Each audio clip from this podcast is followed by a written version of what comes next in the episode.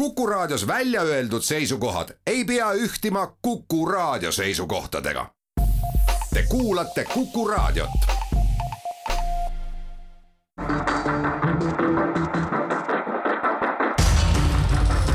muuli ja Aavik. muuli ja Aavik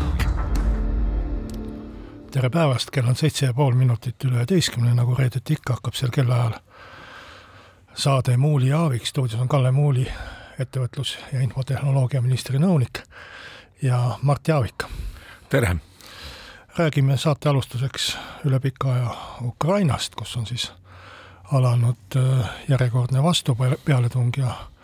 ukrainlased on lõunas päris suure hulga alasid tagasi võitnud teiseks märgime ära elektri universaalteenuse, mis äh, on ka inimeste seas palju äh, küsimusi tekitanud, et mida siis igaüks peaks tegema ja siis räägime, mis meie sellest arvame. kolmandaks räägime Eesti laenust, miljard äh, võttis siis äh, valitsus võlakirjadega laenu ja ja ajakirjanduses reklaamiti seda kui kolmekümne kahekordset intressitõusu kasvu. nüüd äh, neljandaks räägime sellest, mis on juhtunud Liisa Pakostaga, nimelt heidetakse ette, et ta olla ööbinud liiga kallites hotellides ja muidu kuidagi raha valesti kasutanud ja Liisa Pakosta on Muinsuskaitseameti peadirektori ametist lahkunud. viiendaks Kohtla-Järvel Ida-Virumaal vahistati kohaliku ärimehe Nikolai Ossipenko jõuk, mis koosnes siis suures osas linnavalitsuse ja linnavolikogu juhtidest. välisluureameti peadirektori kandidaadiks on saanud eh, Kaupo Rosin, kelle minevikus on või CV-s on ka Eh, Eesti sõjaväeluure juhtimine. muuli ja Aavik. aga alustame siis äh, Ukrainaga äh,. napilt oli siis Venemaa president Vladimir Putin suutnud välja kuulutada äh, mõnede Ukraina piirkondade või alade äh, annekteerimise ehk siis Venemaaga liitmise kui Ukraina talu, Ukraina alustas vastupealetungi ja, ja suur hulk neist või noh, mingisugune osa neist aladest on äh, siis äh, Ukraina lipu all äh, taas ja ega siis Venemaal praktiliselt ei olegi nagu muud ülejäänud teha, kui ainult võtta siis see viimane, ma ei tea, kas see on trump, aga kuidas seda nimetada, viimane kaart siis varrukast välja ja, ja hakata maailma ähvardama tuumasõjaga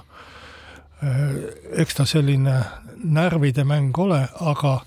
kui ma meenutan iseenda mõtteid, siis enne kahekümne neljandat veebruari tänaval aastal ma olin noh, ikka üsna seda meelt, et mingit suurt sõda Putin ei ala, alusta Ukrainas, kuna see tundus ju nii absurdne, et seda noh, praktiliselt ei olnud Venemaal ei väge, ei, ei mingit muud varustust, millega seda sõda võita ja, ja alustada sellises olukorras kogu maailma vastu sõda tundus nagu absurdne. Ja, ja, ja sellepärast võis ka arvata, et noh, ega siis täie aruga inimene, kui ta riigivalitsejaks on, seda ei tee, aga, aga samamoodi võib ju mõtelda praegu selle tuumasõja puhul, et see tundub äh, Venemaa seisukohalt ju noh, täiesti lootusetu üritus minna kogu maailma vastu, seal ta läheks ka isegi Hiina vastu, rääkimata siis äh, Ameerika Ühendriikidest ja, ja, ja teistest riikidest, kes on siiamaani Ukrainat toetanud. et aga, aga samas äh, noh, kui ikkagi, kuidas see Putini väljend oli, rott on nurka surutud, et äh, taevas teab, mis ta siis teeb. no see on kujutlus, mida ta on katsunud sihipäraselt endast luua, et ja seda korratakse ja korratakse nüüd lõpuks äh, ka nurka aetud, nii-öelda nurka aetud rotil on mitmesuguseid käitumisteid, et äh, et vahest on nurgas mõni äh, rotiauk olemas näiteks, et alati on see võitle või põgene valik. Ja ma meenutan seda, et tuumašantaaž on käinud ju kaasas kogu aeg selle Ukraina ründamisest alates, et lihtsalt selle äh, nagu kaardi väljamängimise intensiivsus on aeg-ajalt kasvanud, aeg-ajalt vähenenud ja lõppkokkuvõttes äh, vastus on ikkagi see, et tuumashantaažile ei saa lihtsalt alluda nendes oludes, et Ukrainat tuleb edasi toetada ja ukrainlastel tuleb edasi tungida nii palju, kui nad suudavad. Äh, ma arvan, üks väga hea Eestit puudutav näide on see, et kui siin oli äh, kampaania Tuhat kangelast talvevormi või, või kuidas selle nimi iganes oli, siis see eesmärk tuli kokku kahekordselt kahe ja poole päevaga, et Eesti inimeste tunne vähemalt ei ole Eh, kuidagi kahanenud selle Ukraina toetamise juures, kes seda saavad teha. ja mina arvan, et eh, noh, kui palju need ennu-, ennustused ikka väärt on, aga ma teen, hakkan siis pihta ennustusest, et et ma arvan, et järgmiseks kevadeks, järgmise aasta jooksul Ukraina vabastab kogu selle territooriumi, mis Venemaa on neilt haaranud, alates kahe tuhande neljateistkümnendast aastast, kaasa arvatud Krimmi, ja siis on selle sõja lõpp käes. Ja ilmselt on nende eesmärk ja õige eesmärk see, et nüüd enne äh, keeruliste ilmaolude ja talve tulekut võimalikult rohkem seda territooriumit tagasi haarata ja siis edasi vaadata, nii et äh, meie asi on see, et läänemaailm ei väsiks toetusest, äh, relvad on need, mis selle konflikti lahendavad. no tundub, et noh, üllataval kombel ikkagi läänemaailm on, on niivõrd tugevaks muutunud selle sõja käigus, et seda tuumaähvardust väga tõsiselt ei võeta, et, et pigem ikkagi sellesse su-, suhtutaksegi kui sellisesse tühja ähvardusse. ma arvan, et noh, see, kui see, kui see vabastamine sinnamaani jõuab, et küsimus on, kas ukrainlased Ukraina väed sisenevad Krimmi, et siis peab ikkagi sõjas või, või toimuma mingi murdepunkt, mingisugune noh, selline järsk pööre ka, ka Moskvas. mis imelik on, võib-olla see on ka meie soovunelm ja, ja, ja ülevõimendus ajakirjanduslik, et endal ju mingisuguseid luured, luuretega infoallikaid praeguses Moskvas ei ole, aga aga see, mis ajakirjanduse vahenduselt sealt tuleb, näitab siiski, et teatud selline või, või päris jõuline käärimine äh, Putini õukonnas noh, on, on toimumas erinevate väejuhtide, erinevate võimustruktuuride juhtide vahel, kes, kes siis äh, rabelevad selles raskes olukorras. aga, aga mina väga selle peale siiski ei panustaks, et äh, toimub mingi Putini mahavõtmine, et võib-olla see on vale võrdlus, aga mul on silme ees ikkagi äh,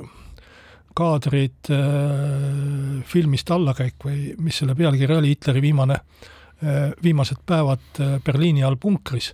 et ka sellises olukorras, kus sõda oli praktiliselt kaotatud, Berliin oli puruks äh, pommitatud ja, ja, ja mis iganes, tema õukond ei läinud tema vastu. mõned jooksid minema, mõned jooksid üle, mõnid, mõned reetsid, mis iganes, aga keegi ei hakanud äh, äh, Hitleri kallale, et äh, tal lasti ikkagi ennast ise ära tappa et samamoodi ma hästi ei usuks, et, et päris äh, Putini lähikond pöörduks tema enda vastu, et seal võib olla teiste vahel mingisugust rivaalitsemist, küsimus on selles, et kui ta tõesti tahab tuumasõda väl-, valla päästa või vähemalt ütleme siis äh, taktikalist äh, mingit tuumapommi Ukraina vastu kasutada, et kas siis tal, tal lastakse seda teha, kas tema õukond hakkab talle vastu või, või ei hakka ja, ja kui hakkab vastu, et kui tugev ta siis on? Nojah, see, mis me näinud oleme nüüd, jah, ütlen ka, et et ei ole ju kindralipaguneid meil siin kummalgi, eks ole, vist ei ole ka äh, sinul mingisugust isegi sovjeti ajast ohvitseri paguneid või, või võib-olla on? seersant olen. Nõukogude armee seersant no nii, erus äh,. aga et see, mis on muutunud võrreldes külma sõja ajaga, on see, et kui Nõukogude Liidul oli selge tavarelvastuse ülekaal, või noh, arvuline ülekaal, mida siis kardeti, siis ma arvan, et see Putini seltskond peab tõsiselt kartma tegelikult seda, et et kui ta midagi nagu tuumaga teeb, siis see tavarelvastuse ülekaal on NATO poolel sedavõrd suur ja tehnoloogiline ülekaal, et et see mäng on siis vähemalt seal Ukraina territooriumil olevate väeüksuste mõttes läbi loetud tundide, loetud päevadega et äh, vastus, vastus ei ole tingimata ainult äh, planeedi häving, eks ole, sellise šantaaži peal. teeme siinkohal reklaamipausi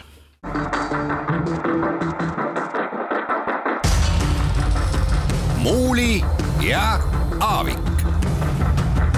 Muuli ja Aavik. endiselt stuudios Martti Aavik ja Kalle Muuli ja nüüd räägime edasi sellest, mis on inimestes palju hämmingut ja küsimusi tekitanud mõistetavalt, sest et et olud on erinevad sõltuvalt sellest, mis inimesed ise on eelnevalt teinud, nimelt sellest elektri universaalteenusest. Ja noh, mina oskan öelda seda, et mida mina vaatasin, saades universaalteenuse pakkumise, et oleme siiamaani tarvitanud siis börsipaketti rahulikumatel aegadel või sellel algusajal selle loogika järgi, et igasugune fikseeritud pakett sisaldab endas finants- või riskikulu ja vähemalt normaaloludes peaks see börsipakett siis olema ilma selle vahendaja riskikuluta ja, ja niimoodi tegelikult ta ka aastate kaupa ju läks. aga nüüd saades selle pakkumise universaalteenusele, minu valik on kindlasti see, et et kasutame seda universaalteenust, selle põhjus, üks põhjus on see, et sellest loobumine on väga lihtne aga ma saan aru, et on ka inimesi, kellel on, või tegelikult on neid inimesi ju rohkem vist Eestis, kellel on mingisugune fikseeritud pakett juba ees olnud ja vot seal tekivad need küsimused, et et kui on fikspakett, siis äh, ilmselt ja see on soodsam, siis tuleks ilmselt selle juurde jääda ja kui ta on väga lähedal sellele fikseeri- või universaalteenuse hinnale, siis on kõige raskem tegelikult. siis võid jäädagi mõtlema jah ja., mida teha. eks see ongi nagu elus ikka, et tuleb valikuid teha ja midagi otsustada ja ja alati ei pruugi ju ka kõik, kõik valikud kõige paremini ja õigemini minna, aga aga selle universaalteenusega on ju niisugune lugu, et ega me ei ole teda ju kuidagi reklaaminud, et kõigile ja kõik peaksid üle minema, et eks ta olegi mõeldud ju nendele inimestele, kes teda vajavad. ja kuna inimeste lepingud on väga erinevad, isegi elektrimüüjad on ju väga erinevad, väidetavalt olevat üle kuuekümne erineva elektrimüüja Eestis, aga noh, ütleme siis suuremaid on, on selline võib-olla, et poole tosina jagu või, või, või kümmekond. et ja sellepärast ongi kogu see toimingud üles ehitatud nii, et elektrimüüjad ise saadavad otse siis konkreetsele kliendile vastavalt tema varasema tarbija järgi kas pakkumise, et minge üle universaalteenusele või, või nad ei saada seda pakkumist. Ja, ja kui see pakkumine ka saadetakse, noh, sellel põhjal, et senimaani on olnud elektritarbim- või elektri hind nendele inimestele kallim kui see universaalteenus, et ka siis inimesed saavad ju valida ja kaaluda. Ja kui nad ei jõua selle teatamistähtajaga kaaluda, siis alati võib ju ütelda, et kuulge, ma ei võta seda universaalteenust praegu, et ma veel mõtlen. et see annab võimaluse kas või neli aastat mõelda ja, ja valida, sellepärast et universaalteenus on kehtestatud neljaks aastaks. et ja, ja lõppude lõpuks põhimõtteliselt on ju võimalik korduvalt seda vahetada, et universaalteenust saab liituda ja saab loobuda, saab liituda ja loobuda. aga jah, mis teha siis, kui see fikseeritud pakett on seal lähedal et loobuda oma paketist või mitte, noh, väga raske on niiviisi raadio teel mingisugust äh, head nõu anda, et see ongi selline individuaalne valik ja individuaalne otsus. aga mis ma tahan küll ütelda äh, nende hindade kohta, on see, et selge see, et meie kodumaine põlevkivielekter ei ole äh, praegu odav aga ta on siiski oluliselt odavam, kui on olnud, olnud börsihinnad viimasel ajal ja oluliselt odavam ka kui praegu pakutavad fikseeritud paketid ja selles, selles, sellepärast ta on tehtudki nende inimeste jaoks, kes siis ei ole endale kaks aastat tagasi ära fikseerinud seda hinda. et siis nad ei peaks nüüd imekalli äh, elektriga ka jätkama ja ka siis, kui sul on vana leping ja see ära lõpeb mingil ajal, ta ju lõpeb kas poole aasta pärast, aasta pärast, et siis sa saaksid ikkagi mõistliku ja stabiilse hinnaga seda universaalelektrit vähemalt osta. jah, ja ma arvan, et äh, üks, mis nagu sellel minu meelest, et olen püüdnud jälgides poliitilisi sõnavõtte ka meie lähiriikides, et äh, mis äh, suure tõenäosusega juhtub, on see, et et sellest tootmisvõimsuste vajakust ikkagi tahavad kõik suure jõu ja hooga üle saada ja lähiaastate perspektiivis, kolme-nelja-viie aasta perspektiivis need hinnad võivad olla hoopis teistsugused, võib-olla isegi ka noh, järgmisel suvel, et, et kui meil siin räägitakse, et Eesti saab juba päikeseelektri eksportööriks järgmisel suvel, siis see on midagi nagu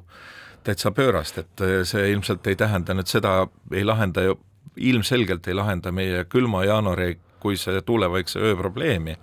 aga mida ma öelda tahan, on see, et ilmselt me näeme päris suuri hinnakõikumisi ka allapoole siin ka selle järgmise aasta jooksul. no need äh, toimuvad ju praegugi ja, ja see elektribörs on nii kummaliselt ehitatud, et äh, sul ühel tunnil võib olla elektri hind null, nagu siin Soomes palju oli ja Eestis väga kaugel ka ei olnud selles mõnel, mõnel, mõnel tunnil, kus tarbimine on väike. ja, ja samas äh, järgmisel tunnil võib ta olla, ma ei tea, kakssada, kolmsada, nelisada äh, eurot megavatt-tunni eest, et äh, noh, need kõikumised ei ole nagu kuidagi terve mõistusega kooskõlas, aga niisugused nad on ja, ja täpselt samuti võib see võib, no tegelikult ta, tegelikult ta ju selles mõttes on terve mõistusega kooskõlas, et on turult selliseid tootmisvõimsusi, mis on doteeritud ja neil on ka nullhinnaga pakkumine on neile kasumlikum kui oma seadmeid seisata. no raske on leida ilmselt maailmast börsi ja, ja ilmselt ka poest kaupa, mille hind äh, väga lühikese aja jooksul muutub kakssada korda või, või midagi sellist, et et see on ikkagi väga spetsiifiline olukord, aga ma arvan, et, et et see, see olukord võib tõesti väga kiiresti muutuda, juhul kui tuleb mingeid võimsusi juurde, sest mis selle ülikalli hinna te tekitab? see tekitavad gaasijaamad. kui need pääsevad börsile Lätis või Taanis ka vist on gaasijaamu ja, ja Venemaa on gaasi hästi kalliks ajanud, kui, kui nende elekter pääseb börsile, siis see määrabki börsihinna. ja kui see elekter ei määr-, ei, ei pääse börsile, siis on börsihind hulga madalam. ja, ja, ja nii edasi, et kui, kui veel mõni kallis jaam jääb eemale selle tõttu, et tarbi- või tarbimist on kas vähe või tootmist odavamate poolt rohkem, siis, siis see hind kõigubki niiviisi, et tegelikult vajaksid muidugi börsireeglid ka natukene, mitte natukene, vaid palju ülevaatamist. meenutuseks lihtsalt korraks sinna esimese teema juurde tagasi, et kui äh, saabub sõjale lõpp ja mingisugune muutus Venemaale, et vähemalt nagu aktiivselt energiasõjaga ei tegeleta, siis on äh, ka olud teistsugused, et missugused nad täpselt on, raske öelda, aga minevikku tagasi ilmselt ei tule.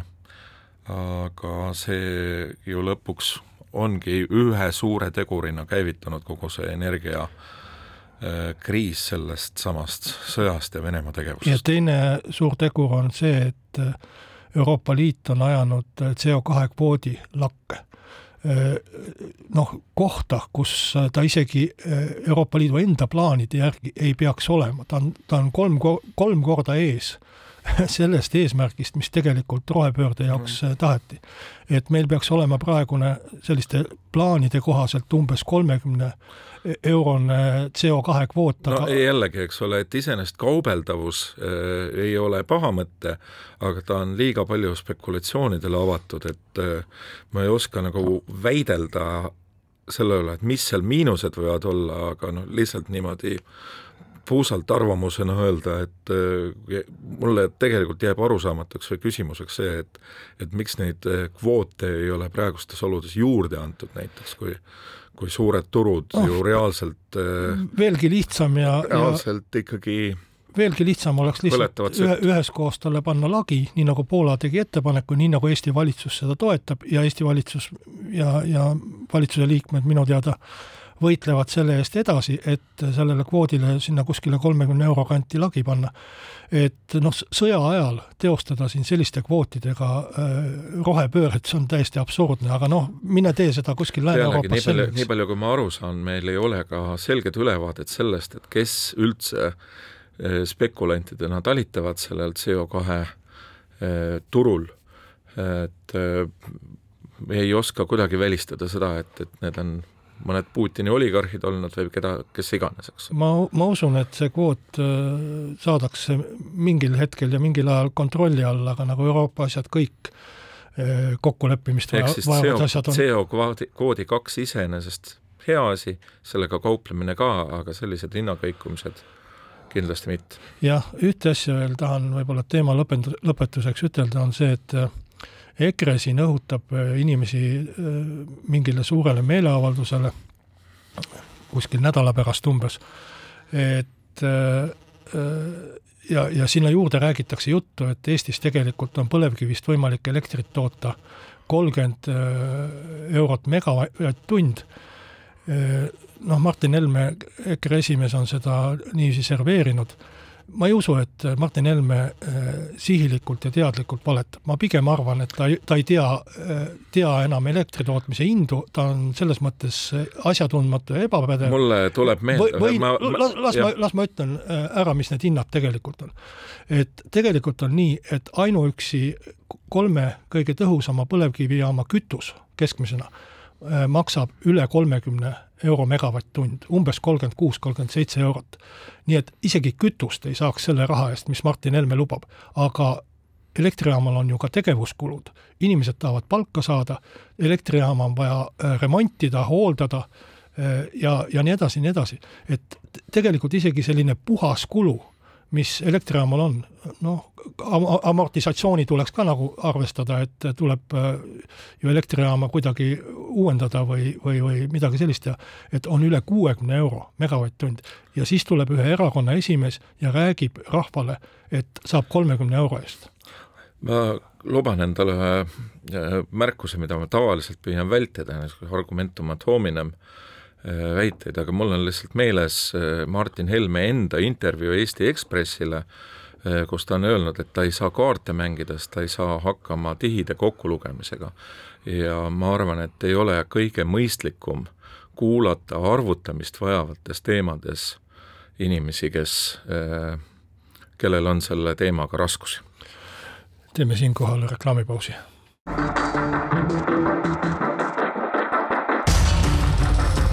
Muuli ja Aavik.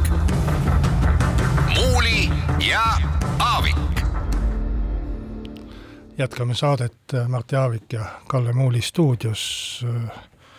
Eesti võttis siis äh, enda kulude katteks äh, laenu võlakirjadega miljard eurot ja, ja ajakirjandus äh, teatas siis uhkelt, et laenuintressid on kasvanud laenuintressid on kasvanud kolmekümne kahe korra võrra, tegemist oli siis kasvuga null koma üks kahe koma, null koma saja kahekümne viielt protsendilt neljale protsendile. et noh, kasv on niiviisi kujutatuna muidugi suur, aga kõiki, kõikide väiksete arv, arvude kasvu saaks sellisel absurdsel moel esitada, et ma, võib-olla et ei ole hea võrdlusega hea näide, aga kui Isamaa toetus kasvas eelmiste valimiste, kahe tuhande üheksanda valimiste eel eh, neljalt protsendilt üheteistkümnele protsendile mõne kuuga, siis oleks võinud ju ka kuulutada, et kasvas kolmsada või nelisada protsenti Isamaa toetus, et eh, selliste matemaatiliste asjadega inimeste hirmutamine minu meelest või selliste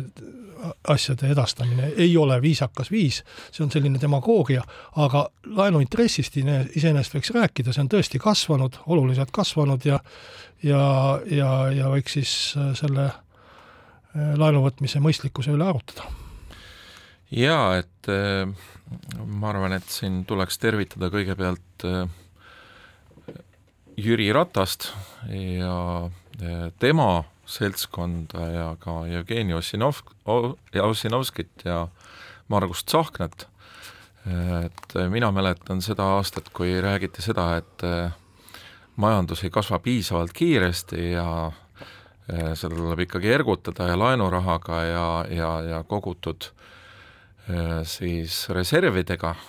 ja pärast selgus, et samal ajal, kui kui uus ametisse saanud valitsus siin kangesti Äh, majandust ergutas, äh, siis tegelikult juba majandus juba ennegi buumis, lihtsalt meil statistika on taha, tagasivaatepeegel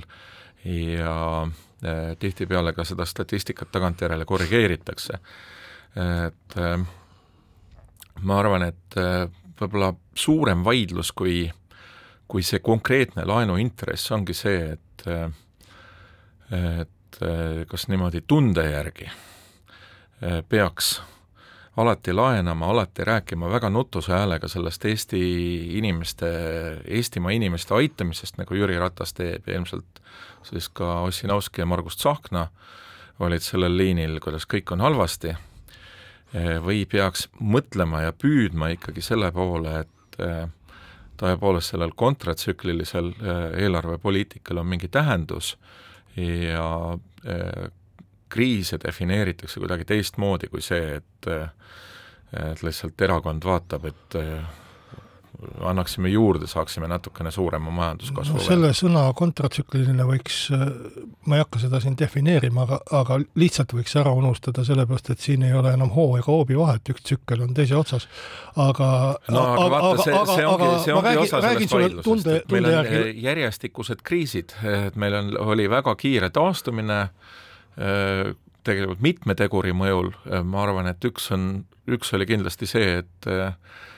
et siis raha voolas peale ka siis, kui majandus oli mingil määral sulgenud, teine see, et, et ega see Eesti majandus nüüd nii väga suletud ei olnud ka nendel aegadel, eks.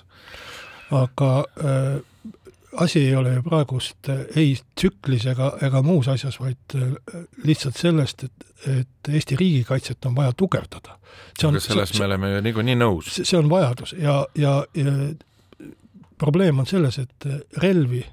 ja ei keskmaa õhutõrjet ega midagi muud ei müüda meile ilma rahata. ja, ja, ja, ja selleks on vaja laenu võtta, aga äh, räägime laenust endast ka, mitte ainult sellest vajadusest, mis on ilmne. Äh, kui, kui valitsus oleks ütelnud, et me jätame keskmaa õhutõrje muretsemata või mingid riigikaitselised vajadused, no siis oleks äh, olukord ikka palju hullem kui see, et me võtame laenu neljaprotsendilise intressiga, eks ju selleks, et meie riik jääks püsima, et julgeolek oleks paremini tagatud ja nii edasi, olukorras, kus me just lõpetasime siin Ukraina sõjast rääkimise. aga, aga kas sa paned tähele, et mitte kordagi ei ole kuidagi arutatud või ajakirjanduses arutluseks tekkinud seda üle, et ah, kuidas me selle laenu põhisumma tagasi maksame. kogu aeg arutatakse, et no intress on tõusnud, et nüüd tuleb nelikümmend miljonit aastas maksta või kolmkümmend miljonit või viiskümmend miljonit ja võib-olla tõuseb veel, isegi on ennustatud, et äkki kümne aasta pärast peame maksma nelisada miljonit tagasi või viissada miljonit intressi. aga põhisumma tagastamisest ei räägi ju keegi, mis tähendab tegelikult seda, et keegi ei mõtlegi seda tagasi maksta Euroopa Liidu riigid ei maksa oma laene tagasi. makstaksegi ainult intressi, ehk nagu peenelt öeldakse, teenindatakse laenu. et selles mõttes ju, mis mõtet on rääkida sellest intressist, kui me saame miljard eurot, mida me tagasi ei maksa ja, ja maksamegi ainult nelikümmend miljonit intressi, et võtame sealt summakesest no ma arvan, et see jutt, mida sa räägid, on nüüd natukene selles mõttes nihkes, et et see, mida me näeme, on see, et äh, laenudest vihiseb äh, väärtus välja, siis laenu, laenuandja väärtus äh, välja läbi inflatsiooni. ja ma arvan, et see oli selle Covidi kriisi esimestel päevadel juba selge, et et kui noh, eelnevast rahatrükist me võisime mõelda veel nii ja teisiti, siis selle Eh, massiivse sekkumise, mis tegelikult hoidis maailma majandust käimas. Eesti majandust, maailma majandust käimas ka sulgemiste ajal, eh, selle massiivse sekkumise hind ongi see, mida me nüüd inflatsiooniga maksame, pluss veel sõjamõjud, pluss veel lokaalsed mõjud. et see, mille üle tuleks arutada, on see, on hoopis nagu komplitseeritum teema, et et tunne, et raha on lõputult mõjutab poliitika kvaliteet. kui sa saad kõiki asju teha, mis sul pähe tulevad, iga järjestikused valitsused, eh, siis see vähendab survet poliitikaid kvaliteetsemaks lihvida. no kui sul raha üldse ei ole, siis sul ei ole ka mingit poliitikat, et eh, see no, on nagu teine äärmus. me ei ole, me ei ole ju selles olukorras praegu. aga eh, tegelikult, kui sa ütled, et inflatsioon hävitab või sööb või tapab, siis seda juhul, kui me laenu ei võta. kui me võtame laenu, siis inflatsioon sööb laenu. ja, ja kui me räägime siin, et milline võib olla meie eh, laenuintressi makse eh, seal nelisada, viissada mm. miljonit kümne aasta pärast, kuula mind, siis ju me ei, sinna juurde demagoogiliselt ei räägita seda, milline on meie riigieelarve tulu kümne aasta pärast, kui suur on meie skp kümne aasta pärast ja mis see nelisada või viissada miljonit eurot siis nelja või kümne aasta pärast üldse väärt on, kui meil selline inflatsioon on. kui meil intressimäär on neli protsenti, aga õues on kakskümmend viis protsenti inflatsiooni, no hüva, ärme arvesta Eesti inflatsiooni, võtame siis euro keskmise, võtame kuskil kuus-seitse protsenti no ikkagi on kasulik ju võtta laenu, sellepärast et inflatsioon sööb seda ära ja me saame seda laenu reaalselt praegu tarvitada. kui me oleks võtnud sellesama laenu kaks aastat tagasi, meil oleks ka intressimäär väiksem olnud ja intressimakse väiksem olnud, siis rääkisime, et võtkem mm. laenu, siis räägiti, et oi-oi-oi. aga oi. kas sa mäletad, millised olid impulsid öö, selle kulutamise laenu või mis iganes raha kulutamise peale kaks või kolm aastat tagasi. see ei olnud riigikaitse. see oli, see oli see, et hoida meie ettevõtted töös, et inimestel oleks tööd, leiba, et töökohad ei kaoks Äkül, ära selleks lühikeseks ajaks, kui Covid siin möllab. tagasi siis viis-kuus aastat, mis siis oli äh, see mõte, see mõte oli ai-ai-ai, meil on kõik väga halvasti, me peame Eesti inimesi ja Eesti, Eestimaa inimesi ja, ja majandust toetama ja elavdama ja nii edasi, tegelikkuses majandus buumis. ehk siis eh, oludest sõltub see eh,, mida tuleb teha, praegu me näeme väga selgemast selgemalt, et riigikaitse on see, kuhu tuleb kulutada. aga seda impulssi ei olnud veel paar, paar-kolm aastat tagasi, kuus aastat tagasi sellisel kujul. et äh, ainus impulss, mis oli, oli see, et tuleb laenu võtta ja Eesti korda teha ühe korraga. aga mida, mis, mis koht tuleb korda teha? Martin, ma ütlen sulle, et praegu on loomulikult selgem või parem seda seletada ja on, on lihtsam leida argumente, ütelda relvad, laskemoon, õhutõrje, mis iganes. tõesti, praegu on lihtsam seda argumenteerida ja, ja viis aastat tagasi võib-olla oli keerulisem, aga ma ütlen sulle, et ka viis aastat ja isegi tagasi ja isegi majanduskasvu ajal, mida ta nii väga ikka buumis, siin oli majanduskasv kaks ja kolm protsenti, ka, ka viis aastat tagasi oleks olnud mõistlik laenu võtta. laenuintressid olid siis miinuses, nulliga oleks kindlasti kätte saanud, mitte midagi see raha ei maksnud ja ole, oleks meil äh, tõesti mingid asjad korda äh, saanud teha. siis oli lihtsalt seda vajadust äh, raskem näidata no aga öeldi, et majandus kasvab, võtke lihtsalt majanduskasvust. kui me oleks tookord ära võtnud saite ju laristada me, teil oli ju võimalus laristada, kuus aastat olete saanud laristada. kes see mehe on no,? Eesti rahvas? koos Jüri Ratasega. Jüri Ratas oli peaminister tõesti, aga Isamaa, Isamaa ei olnud peaministri toolil, et väga raske oli. mitmes Jüri Ratase valitsuses te olite, kahes minu meelest? kahes olime ja oleme praegust ka Kaja Kallase valitsuses, kui teada tahad. aga, aga, aga mõistlik oleks isegi siis olnud need asjad ära teha, oleksin saanud odava rahaga tehtud ja mitte keegi neid laene mitte kunagi tagasi ei maksa, nii nagu ma juba korra ütlesin, need lihtsalt kirjutatakse üle uute laenudega, võib-olla nad on kallimad, võib-olla et ei ole kallimad, seda ei tea keegi ette. aga teeme siinkohal veel kord ühe saatepausi.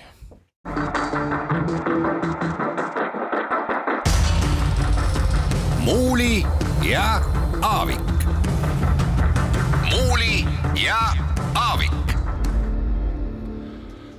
tere taas, stuudios endiselt Kalle Muuli ja Mart Jaavik. räägime nüüd sellisest kurvast sündmusest, et on midagi siis sisekontroll Kultuuriministeeriumis avastanud Liisa Pakosta kulude juures ja ja Liisa Pakosta on astunud Muinsuskaitseameti peadirektori ametist tagasi. et äh, ma ütlen ka, mille pärast mul on äh, kahju, on see, et et mulle on see muinsuskaitse teema alati nagu mõõdukalt huvi pakkunud ja mulle tundub, et äh, ma olin kuidagi väga rahul, kui Liisa Pakosta sinna sai, et inimene on ajalugu õppinud ja ja võib-olla niisugune natukene rahulikum, konservatiivsem tunnetus on sellest teemast, kui kui siin ehk vahepeal on olnud eh, väga moodsate eh, juttudega, et eh, et kahju, kahju, kahju, kahju, aga, aga ilmselt see teema, millest me peaksime arutama, on kuidagi teistsugune, et oskad sa avada? No ma arvan, et selle sisekontrolli eh, ja kulude jutu võib jätta selle teema lõpetuseks ja, ja, ja viimasele kohale seada, et et äh, Liisa Pakosta ise pealkirjastas ühe loo, mis ta sellest kirjutades, kirjutas, et tehti ära. ma tegelikult kujutan isegi natukene ette, kuidas see asi võis käia, ma olen enda meelest näinud samasuguseid juhtumeid pika karjääri jooksul ajalehetoimetustes, kus tuleb, päris mitmed juhtumid meenuvad, kus tuleb uus osakonna juhataja või tuleb äh, uus peatoimetaja asetäitja, ta tuleb kuskilt teisest süsteemist või on äh, palju puhanud ja igasuguseid häid mõtteid kogunud ja tuleb üksi võõrasse keskkonda, mis on täiesti teistsugune, äh, teistsuguste hoiakute, vaadete, noh, mis traditsioonidega, ja hakkab üksinda kõike korraga muutma ja absoluutselt võib mürki võtta ja kihla vedada, et murrab oma kaela või selgroo või mingisuguse muu väga tundliku koha ja kaotab väga lühikese ajaga töö, et ma olen seda näinud oma elus küll ja küll. et see on noh, selliste väga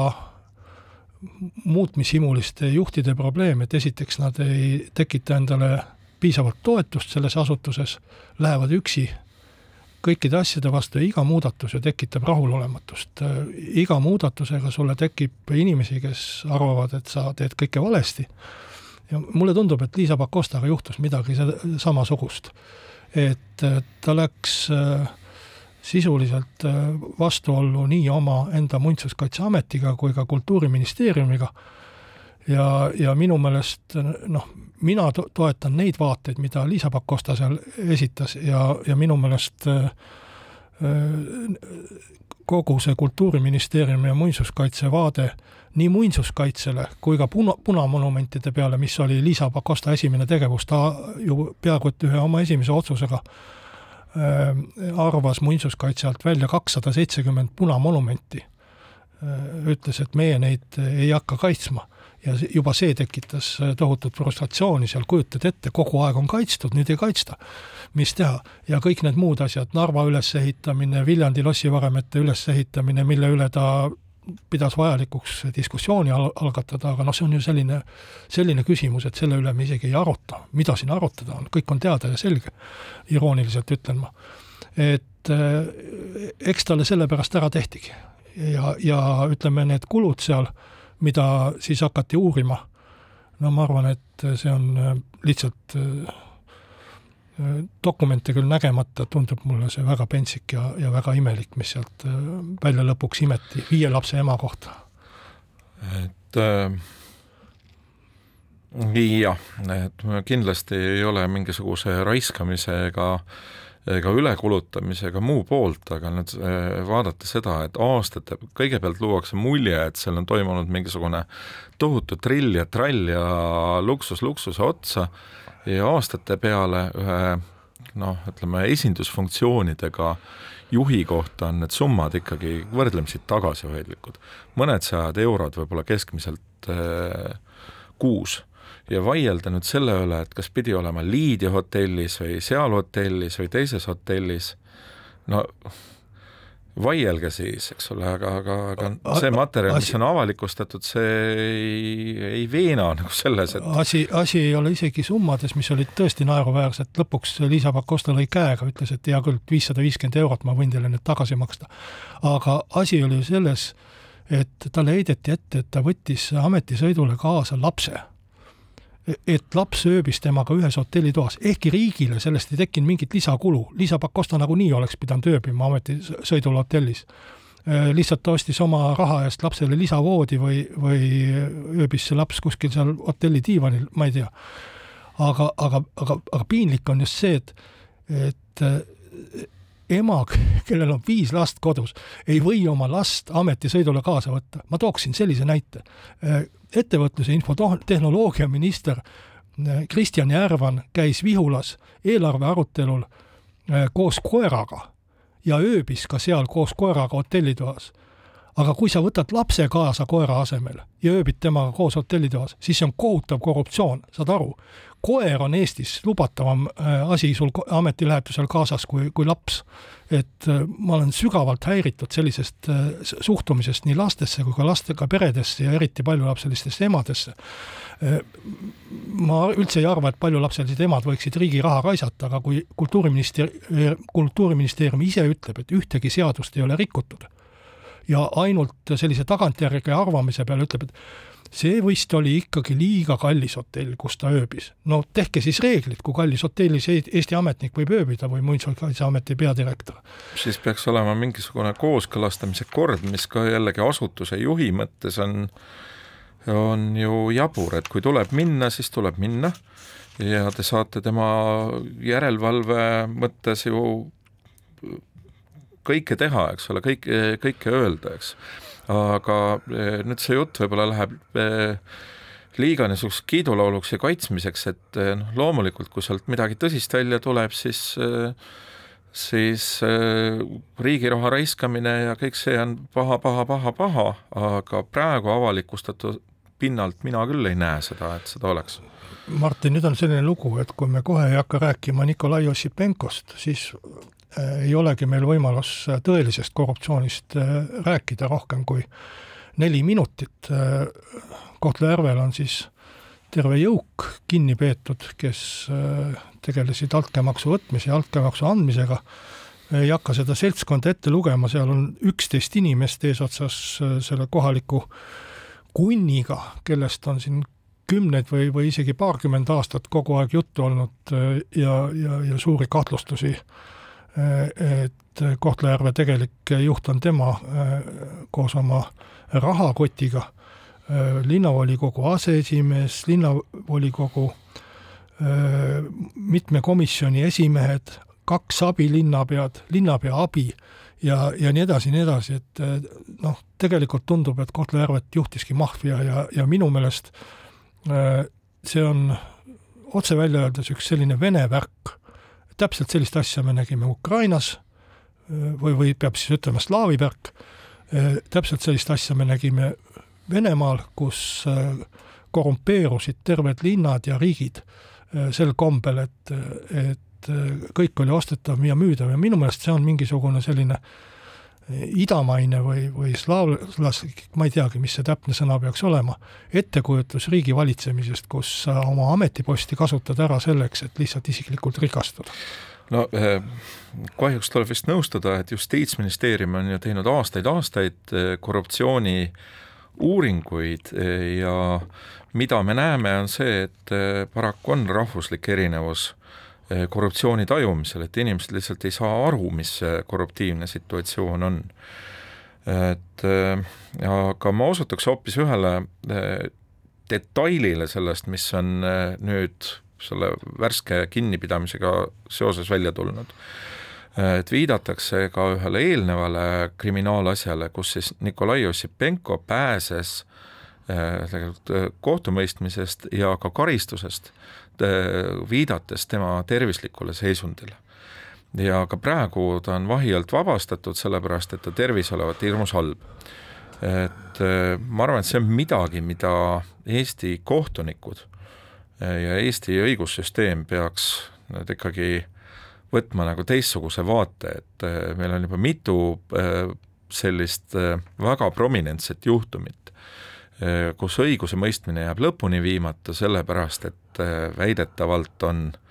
et inimesel tervis nii halb, et, äh, et ta ei saa kohtus osaleda. et et äh, see lahendus ikkagi on see, et, et kui vaja, siis olgu kas või viis kiirabiautot, nagu kunagi Ellen Niidu tegelasel Ono ööbikul tuli, kui ta oli liiga palju jäätist söönud. kas või viis kiirabiautot ja, ja äh, teistsugune meditsiinitehnikaga kohtusaali sisseseade, aga õigusemõistmine peaks äh, jõudma lõpuni, loomulikult ei tohi inimest kohtus surnuks piinata aga kui me näeme seda, et kohtus ei saa osaleda, aga igal pool mujal saab osaleda, Äh, noh, siis see asi on nagu õigusemõistmise farss. jah, et farss. me, me peaksime ikka oma õigusemõistmise korraldama selliselt, et see ei kahjustaks inimeste tervist oluliselt, ütleks ma selle peale, et kui kui, kui, kui tõesti on selline oht, et kui kohtupidamine pihta hakkab, siis läheb tervis oluliselt halvemaks, et äh, ma arvan, et et eks see meditsiiniabi siis tuleb sinna korraldada, aga noh, praegu on tõesti seadused ja, ja kohtupraktika on selline, et kui üks arst ütleb, et on olemas oht, et inimene sureb ära või, või elule oht, et siis võibki inimene kohtusaalist vabalt välja jalutada ja kogu kümneid aastaid veel elada rahulikult äh, hundisilmal või kus nad elavad, need ja, inimesed. mina olen kuulnud asjatundjate käest, et praegune seaduse sõnastus ei takista kohtunikul seadma tingimusi, kuidas see kohtumine ta ei julge läbi, lihtsalt riski võtta. läbi viiakse, et ta ei julge lihtsalt riski võtta ja, ja lihtne on öelda seda, et kõik. aga sellega on meie tänane saade lõppenud, järgmisel reedel jälle.